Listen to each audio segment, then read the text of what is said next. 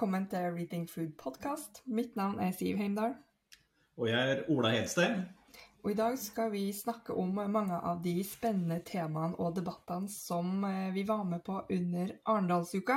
Nå begynner jo det å bli en liten stund siden, et par uker nå. Men eh, temaene eh, er jo fortsatt relevante, og kommer til å være relevante. Ikke bare eh, om to uker, men mange år, mest sannsynligvis. Så jeg tenkte at det kunne være nyttig eh, å gjøre en liten eh, oppsummering av hva vi var med, eller hva du da, Ola, var med på under Arendalsuka. Ja, det var jo 1700 eh, arrangementer, og vi var involvert i tre. Så vi dominerte jo ikke arenaen, men eh, vi hadde de beste temaene. Enig. For vi snakka jo selvfølgelig om bærekraftige matsystemer. Det er jo det som er vår greie. Og før bare syns det var litt interessant. Før Arendalsuka starta, eh, så sendte du jo meg en kronikk av en eh, slags kollega av oss, eh, Gunhild Stordalen, hvor hun var ganske kritisk til hvordan Arendalsuka um, hva skal vi si, ramma inn seg sjøl. Og egentlig bare alle går rundt og prater om seg sjøl. Ja, det var vel i Dagens Næringsliv den sto, hvis jeg ikke husker feil. Og hun etterlyste jo at man eh, snakka mer om den, eh, de store utfordringene hele verden sto overfor, og hva vi skulle bidra til i det store bildet. Og retta en kritikk til en sånn navlebeskuende konsulentbransje og interesseorganisasjons eh, fellesskap i, i, Arendal. Og hadde jo selvfølgelig noen poenger, men jeg vil jo si at eh, etter å ha vært på Arendalsuka nå de siste fem åra, mer eller mindre, så var jo den globale dimensjonen med der. Og ikke minst på de arrangementene vi var på. Så litt eh, vel mye tyn syns jeg hun ga Arendalsuka. Og litt av hennes poeng var at eh, det sto veldig mye eh, Norge og norsk inni alle titlene. altså hvordan skal Norge ta en lead, eller hvordan skal Norge ta et marked, osv. Um, jeg kan for så vidt uh, være enig i det, at uh, det sto mye i Norge overalt. Jeg vil også bidra til å skrive det ordet sjøl inn noen titler. Uh, men det blir jo litt sånn at um, man skal jo engasjere publikummet sitt, og vi er jo mest opptatt av vårt eget marked. Ja, også ikke minst eh, hvordan kan Norge gjennom å ha de gode løsningene bidra til at eh, verden går framover på en god måte. Altså at vi rett og slett eh, gjør det lønnsomt for oss sjøl å være med på å redde verden. Og det, det er jo egentlig en god ting, det. Ja, og det er jo egentlig en sånn fin Segway over da til eh, det første arrangementet du var med på, og en av de temaene som ble løfta opp, eh, som gikk jo da på ny teknologi, og hvordan da særlig norsk agri-food tech kan være med å, um, å skape en ny eksportindustri, eh, altså som er jo en bra ting eh, for næringslivet i Norge, men også fordi at den teknologien sitter jo på mange av løsningene vi trenger for å rydde opp i det her eh, matsystemet vårt. Så kan ikke du fortelle litt om hva, om hva som ble lagt fram på det seminaret, og hva, hva du sitter igjen med egentlig av, eh, av det folk eh, var mest opptatt av? Altså, det, det, som var veldig bra med det arrangementet, det var jo noe vi var eh, involvert i gjennom et, et prosjekt som Closer Innovation og NC Heidner Biocluster, eh, begge holder til i Hamar, eh, arrangerte eh, sammen med Innlandet fylkeskommune. Og det de, det de, har tatt initiativ til da, og fått med seg trønderne på, T-lab som et innovasjonsselskap i Trøndelag og Mære landbruksskole som driver og demonstrerer og tester nye teknologier. Så det de har fått dem med på, er at hvis vi skal gjøre alle disse nye selskapene som har gode, bærekraftige løsninger for eh, landbruk, havbruk, skogbruk og bruk av fornybare bioressurser, gjøre dem kommersielt lønnsomme, eh, så må de lykkes med eksport.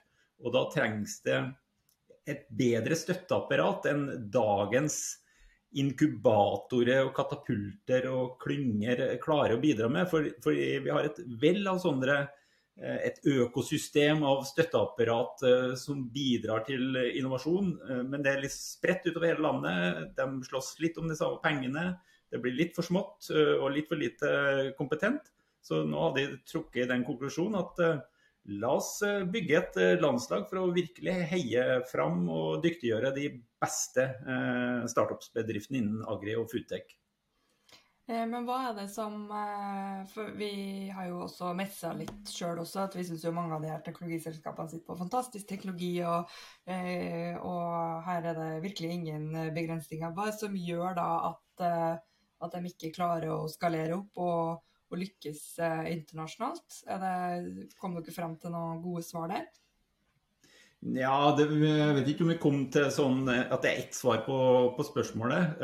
Det hører jo òg med at flere av disse norske selskapene som har vunnet priser internasjonalt og fått mye heder, de de er også på full fart i å etablere seg i eksportmarkedene. Eh, men sånn, i Norge og også en del andre land så er det en kjensgjerning at eh, det er litt sånn umodent. Det er litt ukjent du, de, hvilke problemer de faktisk kan bidra med å løse med ny teknologi. Eh, det er en annen måte, en annen produksjonsform. Eh, og det kreves eh, investeringer i, i ofte som er større enn den kan si altså Investeringene er så store at det, blir ikke lønnsomt å investere i det for en gårdbruker eller en oppdrettsanlegg på, på noen år. Og da er da er det liksom bare en teoretisk nytteeffekt for eh, den som skal ta det i bruk. Eh, så han får liksom ikke betalt for å produsere maten på en bedre måte. og da, da blir interessen ikke så stor, og så finner man gjerne ut at man venter litt. Så, så det er et umodent marked, det er liksom den økonomiske beskrivelsen av det. Og det trengs det profilering, det trengs kjennskap, det trengs demonstrasjon. Og så trengs det at eh, våre bedrifter får knytta seg nettverk inn mot markedene, både Norge og internasjonalt. Og ja, det er masse ting som skal til for at dette glir så smooth som overhodet mulig. Nå ligger det her eh, seminaret åpent ute på internett, eh, så jeg kan ta og legge inn lenken ned i, eh, i shownotes som du kan finne under denne episoden. For jeg var jo da dessverre ikke på Arendal, men jeg satt jo og fulgte med på det her arrangementet på, på internett.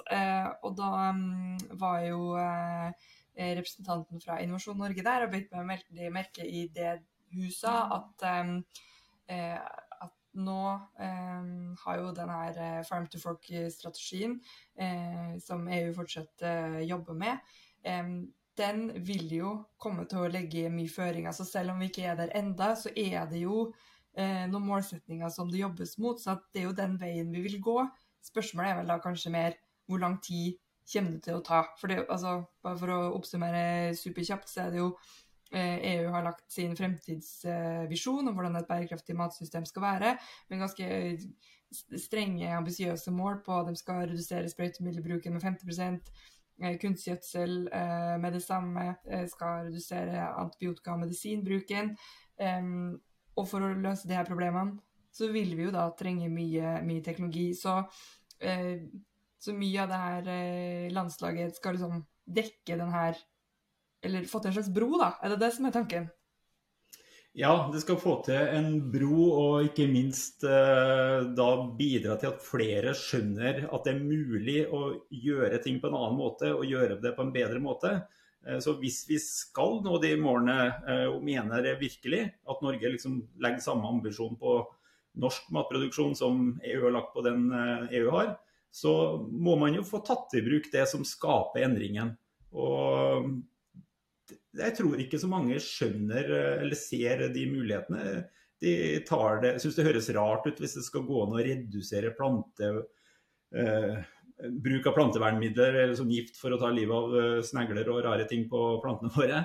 Eh, at det går an å redusere det med 95 altså, det, det tror jeg er det science fiction. Dette funker sikkert ikke, det er altfor tidlig. Det blir som fremmede og tilsvarende i melkeproduksjon. At du kan redusere klimagassutslippene fra melkeproduksjon med 30 liksom over natta. Eh, ja, hvorfor har vi ikke gjort det da? Altså, eh, folk klarer liksom helt å tro at dette er ordentlig. De er redd det er noe som blir oversolgt.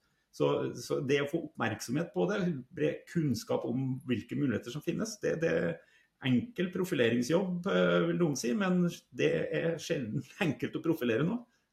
Og så er vi jo eh, kommet dit at eh, Eller vi er ikke kommet dit kanskje at eh, selv om da gårdbrukeren syns det høres ut som en eh, god idé, eh, så er det fortsatt en stor investering. Eh, og kan vi egentlig si at forbrukerne er villige til å ta den ekstra kostnaden det, det da vil koste å redusere utslipp eller plantemiddelbruk osv.?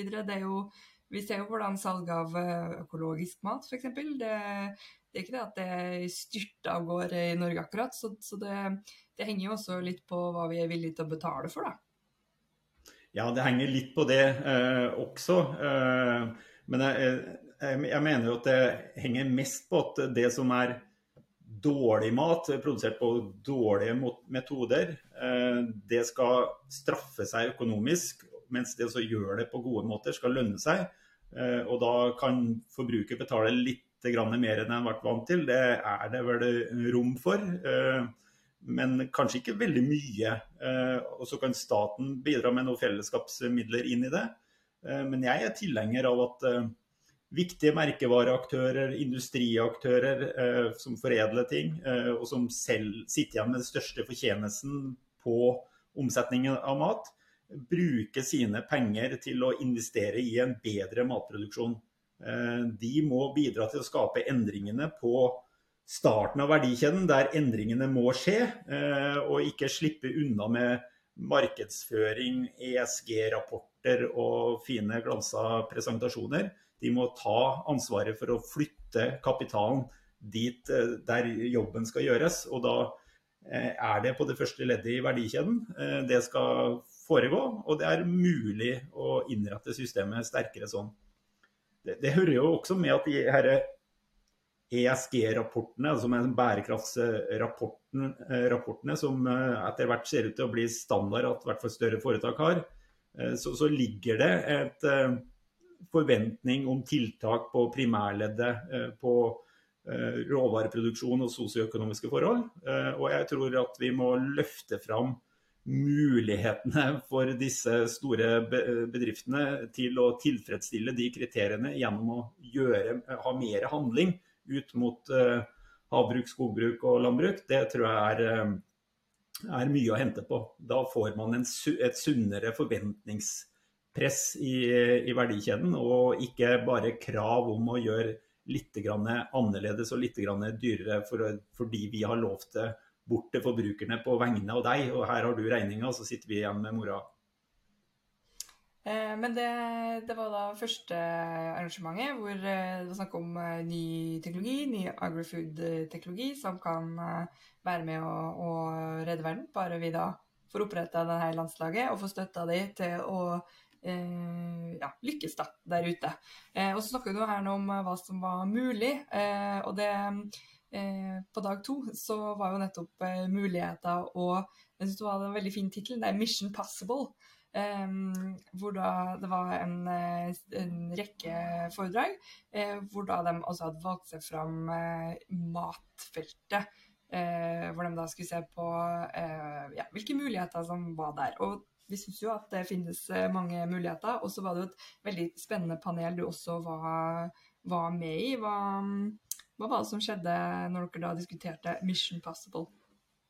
Ja, altså den, den, inngangen som vi fikk der da, fra denne litt morsomme organisasjonen som ikke jeg kjente til, altså Smarte byer, de hadde jo eh, fire-fem arrangement eh, på, i løpet av en halv dag om, eh, som hadde alle tittelen 'Mission Possible'. Så gikk de inn på ulike, ulike ting.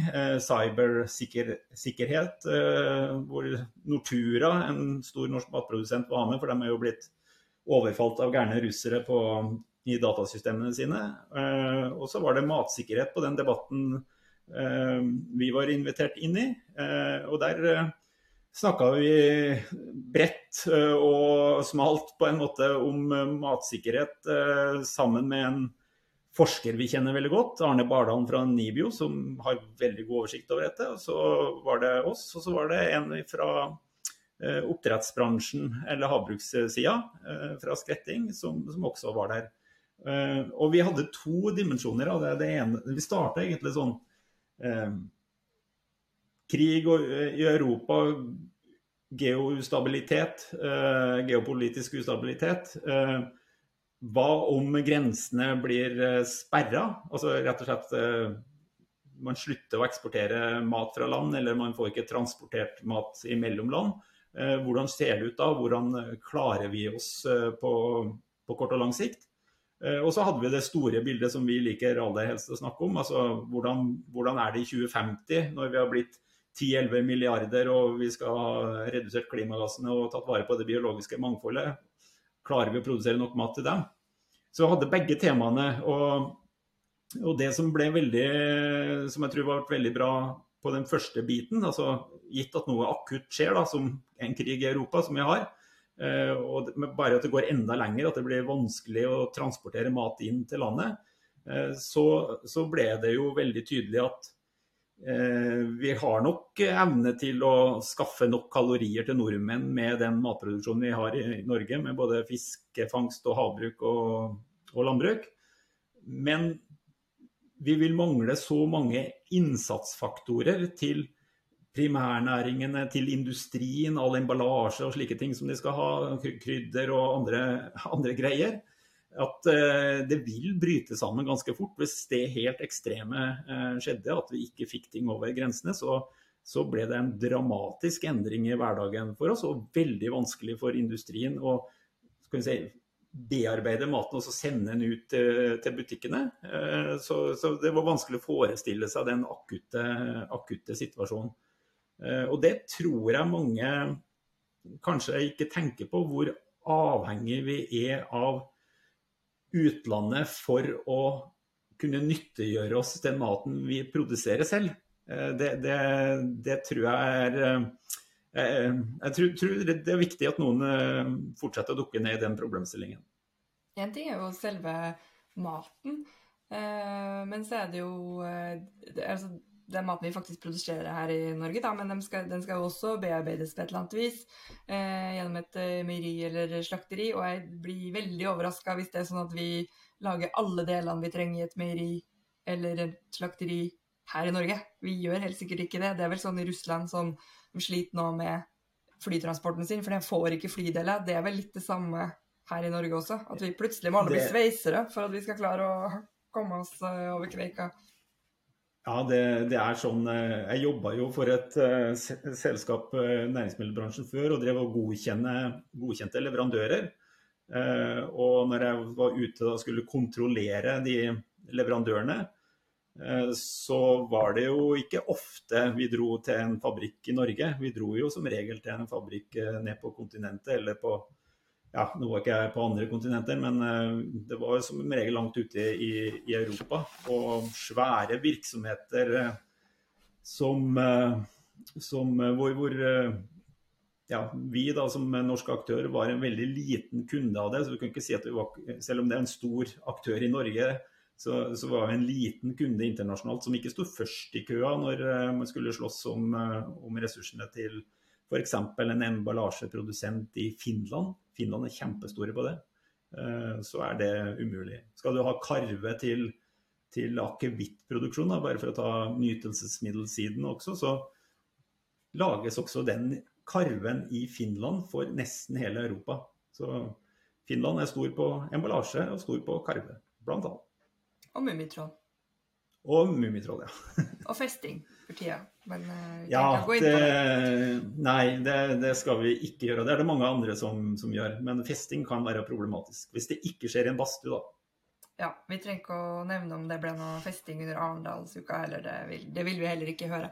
Men, um, men det var ganske store, store, litt skremmende tema dere diskuterte. Det, det, det, var jo Mission Possible, så jeg antok at det var god stemning uh, i, uh, i, gruppa under seminaret. Uh, kom dere fram til noen løsninger, eller, eller det, ble folk litt sånn um, skremt? Ja, på, på den derre litt Eh, konstruerte problemstillingen med at eh, Norge blir en øy i verden, eh, så fant vi jo ingen løsning på det. Da fant vi ut at det er nok mer skadelig for oss enn det vi, det vi tenker over. Men når det gjelder det store, store helhetlige bildet, liksom hvordan vi klarer å skaffe nok mat til en voksende befolkning under vanskelige klimatiske forhold eh, i, i framover, så, så syns jeg vi kom inn på det som er egentlig noe jeg har vært med på ment før. Men det ble åpenbart at det er mulig å gjøre mye endringer i matsystemet både nasjonalt og internasjonalt. Vi må bruke ressursene på en, en annen måte. Eh, og det vi må snakke om i det lange løp, både nasjonalt og internasjonalt, er hvordan vi oppnår forsyningssikkerhet. Sånn at eh, ting funker og folk får det de trenger der de måtte være. Eh, og for å kunne innrette tiltak som styrker forsyningssikkerheten på kort og lang sikt, så må du ha gode risiko- og sårbarhetsanalyser og teste ditt, ditt system. Stressteste det, rett og slett, som vi ofte sier i andre sammenhenger. Eh, og den risiko- og sårbarhetsanalyser er det jo eh, Direktoratet for sivilt eh, beredskap som har et ansvar for å sitte med. Og der bør de gjøre mer, og de bør kjøre beredskapsøvelser, sånn at vi får erfaring med hvordan et matsystem fungerer når det glipper på den ene og andre, andre måten. Hele Europa er jo inne i en slags beredskapsøvelse nå med med alt det kornet som er låst fast i, i Ukraina.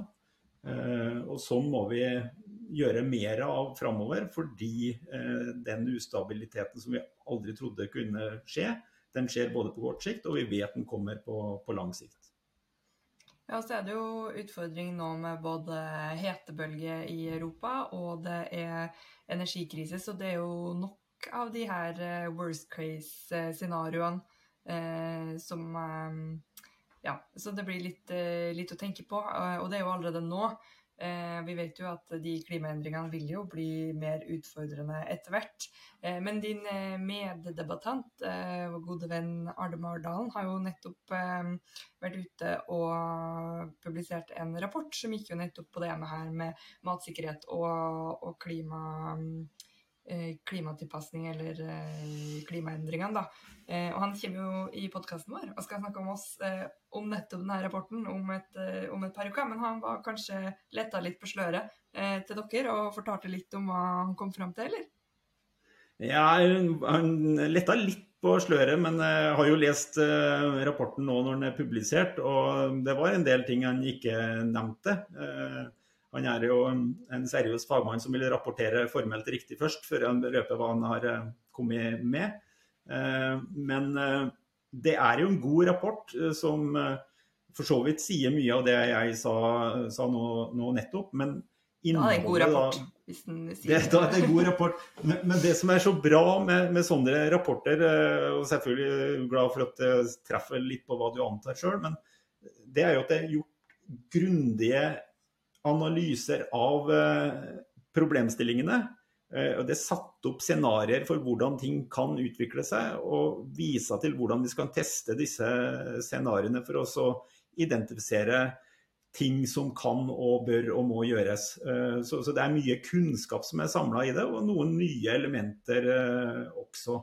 Så jeg ser fram til at Arne forklarer dette bedre enn jeg klarer å, å gjøre på rapperen. Eh, det er en rapport jeg håper virkelig alle leser. Den har et eh, kjekt sammendrag, som det heter, på 40 sider. ja, da, da tror jeg enkelte av oss venter til Arne kommer og forteller oss hva som står der. 16.9. altså, skal han, eh, skal han ta en prat med oss, så det, det blir bra. Men hvis vi da går videre, da, så Eh, for her, nå er vi fortsatt bare på dag to eh, under Arendalsuka. Eh, for du var invitert eh, på enda et eh, seminar, og det handla jo da om eh, klimamerking. som vi har vært litt skeptiske til. vi har jo ti prinsipper for bærekraftig matproduksjon, og en av de prinsippene er jo nettopp det at bærekraft er mer enn bare klima. Men det var altså da forbrukerinformasjon som var egentlig hovedtema da, for det her eh, seminaret. Hva, hva, var det du tok med deg? Eh, hovedpunktene fra det opplegget der? Ja, altså Kort og godt så er det jo dette et, eh, et klimamerke, klodemerke, som Orkla har tatt initiativet til for, for egentlig flere år siden nå. Som primært handler om, om, om klima. Eh, så det var en liten gjennomgang eh, av selve merket, og liten gjennomgang av hva forbrukere eh, tenker om behovet for informasjon. Veldig tydelig at forbrukere vil ha mer informasjon enn bare selve klimaregnskapet for, for produktet. Men ikke minst at de vil ha lett tilgjengelig informasjon både i kjøpsøyeblikket og når de skal vurdere hva de skal kjøpe, og det ene med det andre. Så det som var bra, syns jeg at Orkla så tydelig sier at vi må utvikle dette merket mer, sånn at det handler om bærekraft som, som en helhet. De er fullstendig klar over at EU kommer med tre merkeordninger i løpet av høsten, eh, og jobber med et sånn helhetlig merke også. Men det de tok opp som sin motivasjon for å, å, å arbeide videre med klodemerket, var jo at vi, vi altså dvs. Si Orkla, eh, har behov for å formidle informasjon, forbrukerinformasjon nå. Altså Vi kan ikke sitte og vente på at EU eller andre kommer opp med noe en eller annen gang som de kan eventuelt bruke. Så, så Det syns jeg de skal berømme dem for, at de prøver å formidle informasjon til forbruker. Og så kan man mene mye om, eh, om, om den er bra nok eller ikke sånn, men de prøver i hvert fall å gjøre det. Eh, og så hadde de nå fått med seg Choice, altså hotellkjeden, eh, Mills og Norgesgruppen på å bruke merket. Så det er nok et merke flere kommer til å stifte bekjentskap med, med etter hvert. Og da oppfordrer jeg folk til å se på den merket og gjøre seg opp en formening om eh, hvor bra og hvilke mangler det har, og bidra til å utvikle det videre, sånn at vi får en god merkeordning for kosthold, helse og miljø bærekraft, eh, dyrevelferd. Eh, for vi trenger noe som er bedre enn det vi har i dag. Så da kan vi velge da, hva, hva det vi syns er mest viktig når vi skal se på puslespillet av alle merkeordningene. Ja, altså det, det, er noe jeg har stor forståelse for er vanskelig for eh, både matprodusenter og forbrukere. Eh, det å få formidle si, sammensatt informasjon om alle mulige bærekraftselementer eller indikatorer som, eh, som er relevante på en enkel måte til, til, en forbruker, som kanskje egentlig er bare opptatt av dyrevelferd eller opptatt av Eh, kosthold. Eh, og så skal han få hele pakka. og så Gjør det på en begripelig måte, sånn til forsvar på det de lurer, samtidig som det er etterrettelig og riktig og bidrar til å dra verden i en riktig retning. Det, det, er ikke noe enkelt, eh, det er ikke noe enkel oppgave. Og som vi har snakka om på en tidligere innspilling her, så er jo vi involvert i et prosjekt fra Folkehelsedirektoratet som heter New Tools. som bl.a. ser på hvilke indikatorer skal man bruke i merkeordninger, i produktutvikling, i innkjøpssammenheng, eh, for at det skal bidra til å dra i riktig retning. Så det, det jobbes mye med dette. Eh, det gjør det. Så nå er det jo mange ulike initiativ på merkeordninger som er eh, dratt i gang. Du er på veldig overordna nivå fra EU, og så har du litt på forskersida, og så driver markedsaktørene sjøl. Eh, så, det, på, ja, så på, et eller annet tidspunkt så får man vel eh, eh samla trådene, får man da håpe. Ja, jeg tror, eh, jeg tror, vi alle vil møte mange både gode og dårlige måter å påvirke oss på forbrukere innenfor, eh, innenfor informasjon om hvordan produktet er laga knytta til miljø, klima og sosiale forhold osv. Her er, her er jo fristelsen og faren for å havne i sånn grønnvaskingsproblematikk. Eh, altså at du forleder forbrukere eh, til stede. Og for bedriftene som lager disse produktene og prøver å markedsføre dem, så, så kan de bli tatt for grønnvasking selv om det ikke har vært intensjonen også. Så eh, bedriftene skal ikke ta lett på disse tingene. Det holder ikke å si at eh, ting er bærekraftig fordi man har gjort en liten greie. Det betyr ikke at det er bra av den grunn, hvis man eh, ikke har eh, vært gode nok i sine vurderinger. Og Vi har jo våre ti prinsipper for bærekraftig matproduksjon. Kanskje vi skal gå rundt og klistre på litt uh, merkelapper vi òg, på alle de som oppnår ti av ti? Ja, kunne vi ikke bare lage et merkeordning med vår logo? Altså, her, Da har vi løst problemet. Da, da hadde det vært greit. Ja, men Nei, da nok, foreslår du det eh, på neste seminar, så har du løst problemet. Ja, ring til oss, så skal vi si ifra om det er bra nok. Ja, ja men eh, da har, vi, da har, vi, litt jobb å gjøre. Eh, men, eh, men, det var jo da eh, Arendalsuka, så var det jo en hel haug med andre seminarer som også gikk på eh, på mat og bærekraft. Eh, vi fikk jo ikke fulgt med på, på alle.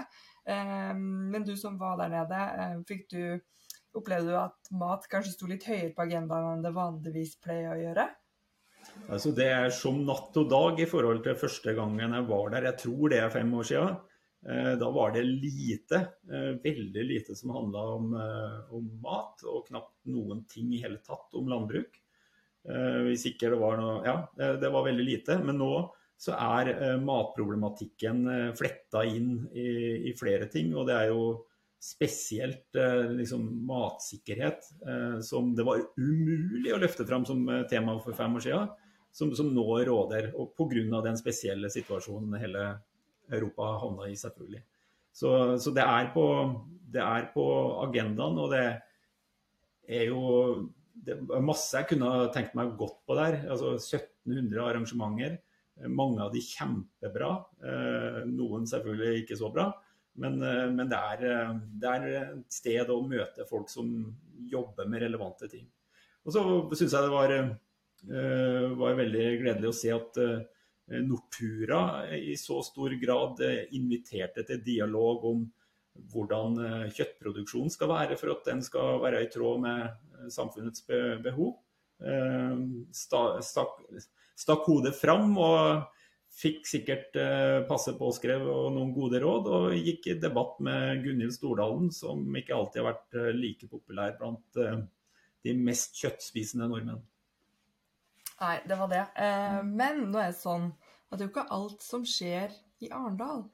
Det er jo andre Nei. ting som skjer i resten av landet, blant annet eh, i verdens navle. Eller i hvert fall verdens Norges tomatnavle. Finnøy i Rogaland. Ja, der lager jeg mye tomater. Nå ble jeg usikker på hvor stor andel av den samla norske tomatproduksjonen de de står for. Men det er utrolig mye av de tomatene som finnes eh, i butikkene, som kommer fra Finnøy og en naboøy til Finnøy. Ehm, og de har da rett og slett eh, laga seg en tomatfestival. Så på en tomatfestival er det også en tomatkonferanse. Og på tomatkonferansen så ønsker man også å debattere mat i litt bredt, men eh, tomatproduksjon spesielt, da. Ja, og uh, hvis du kan sette Eller uh, vi produserer jo ganske mye tomater her til lands, til tross for at uh, det er jo ikke akkurat solfylte Spania. men vi er ganske rå på veksthusproduksjon. Det er det, og det er, det er skjedd et enormt stor utvikling kanskje 10-15 åra.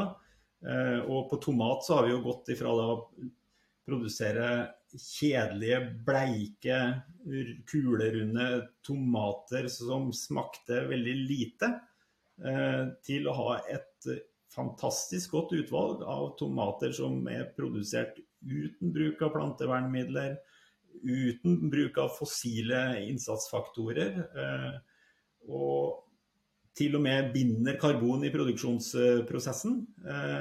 Så, så det, der har man virkelig et eksempel på teknologi og kunnskap.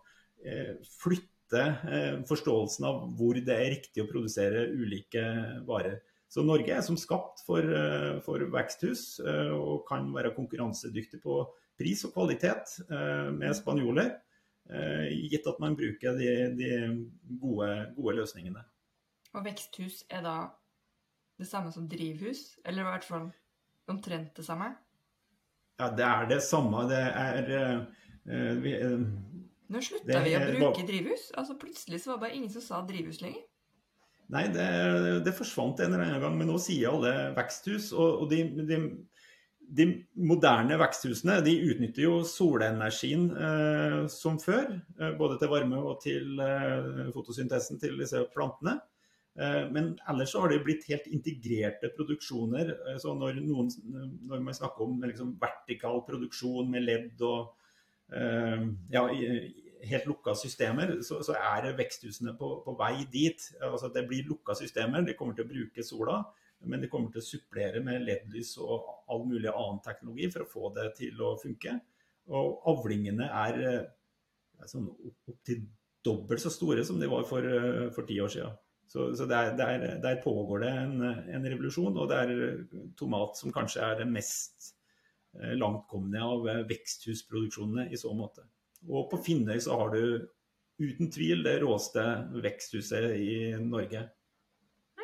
Så gøy. Vi får kanskje flere av oss da, som får spørre om vi får dra på en liten, uh, liten studietur. Men hva var det egentlig Når de, de inviterer deg til tomatkonferanse, hva er det tomatfolket er mest opptatt av, og som de har lyst til å løfte fram? Ja, de, de er jo øh, veldig opptatt av at øh, det skal være kunnskap om at øh, man produserer faktisk gode tomater i, i, Norge. At det er en næring som blir sett på som en næring. At det er en næring som blir innfiltrert i eller blir en del av reiselivsvirksomheten i, i Rogaland. Eh, og de er opptatt av at eh, norskandelen skal være stor. så Bama var jo der og snakka om hvordan de liksom balanserer her mellom eh, norske tomater og importerte tomater, og bærekraft i den sammenhengen. og så var vi invitert til å snakke om hvordan blir det lønnsomt å gjøre de riktige tingene.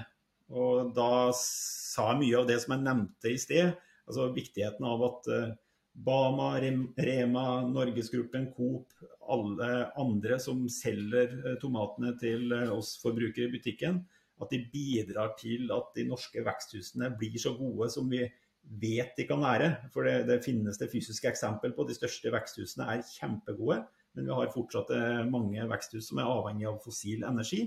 Og de går jo nesten konken nå, for det er jo umulig å drifte disse veksthusene i vinter med med bruk av fossil energi, så det kommer nok til å stenge mange hvis ikke, hvis ikke regjeringen da kommer og dumper masse kompenserende penger i lommeboka deres.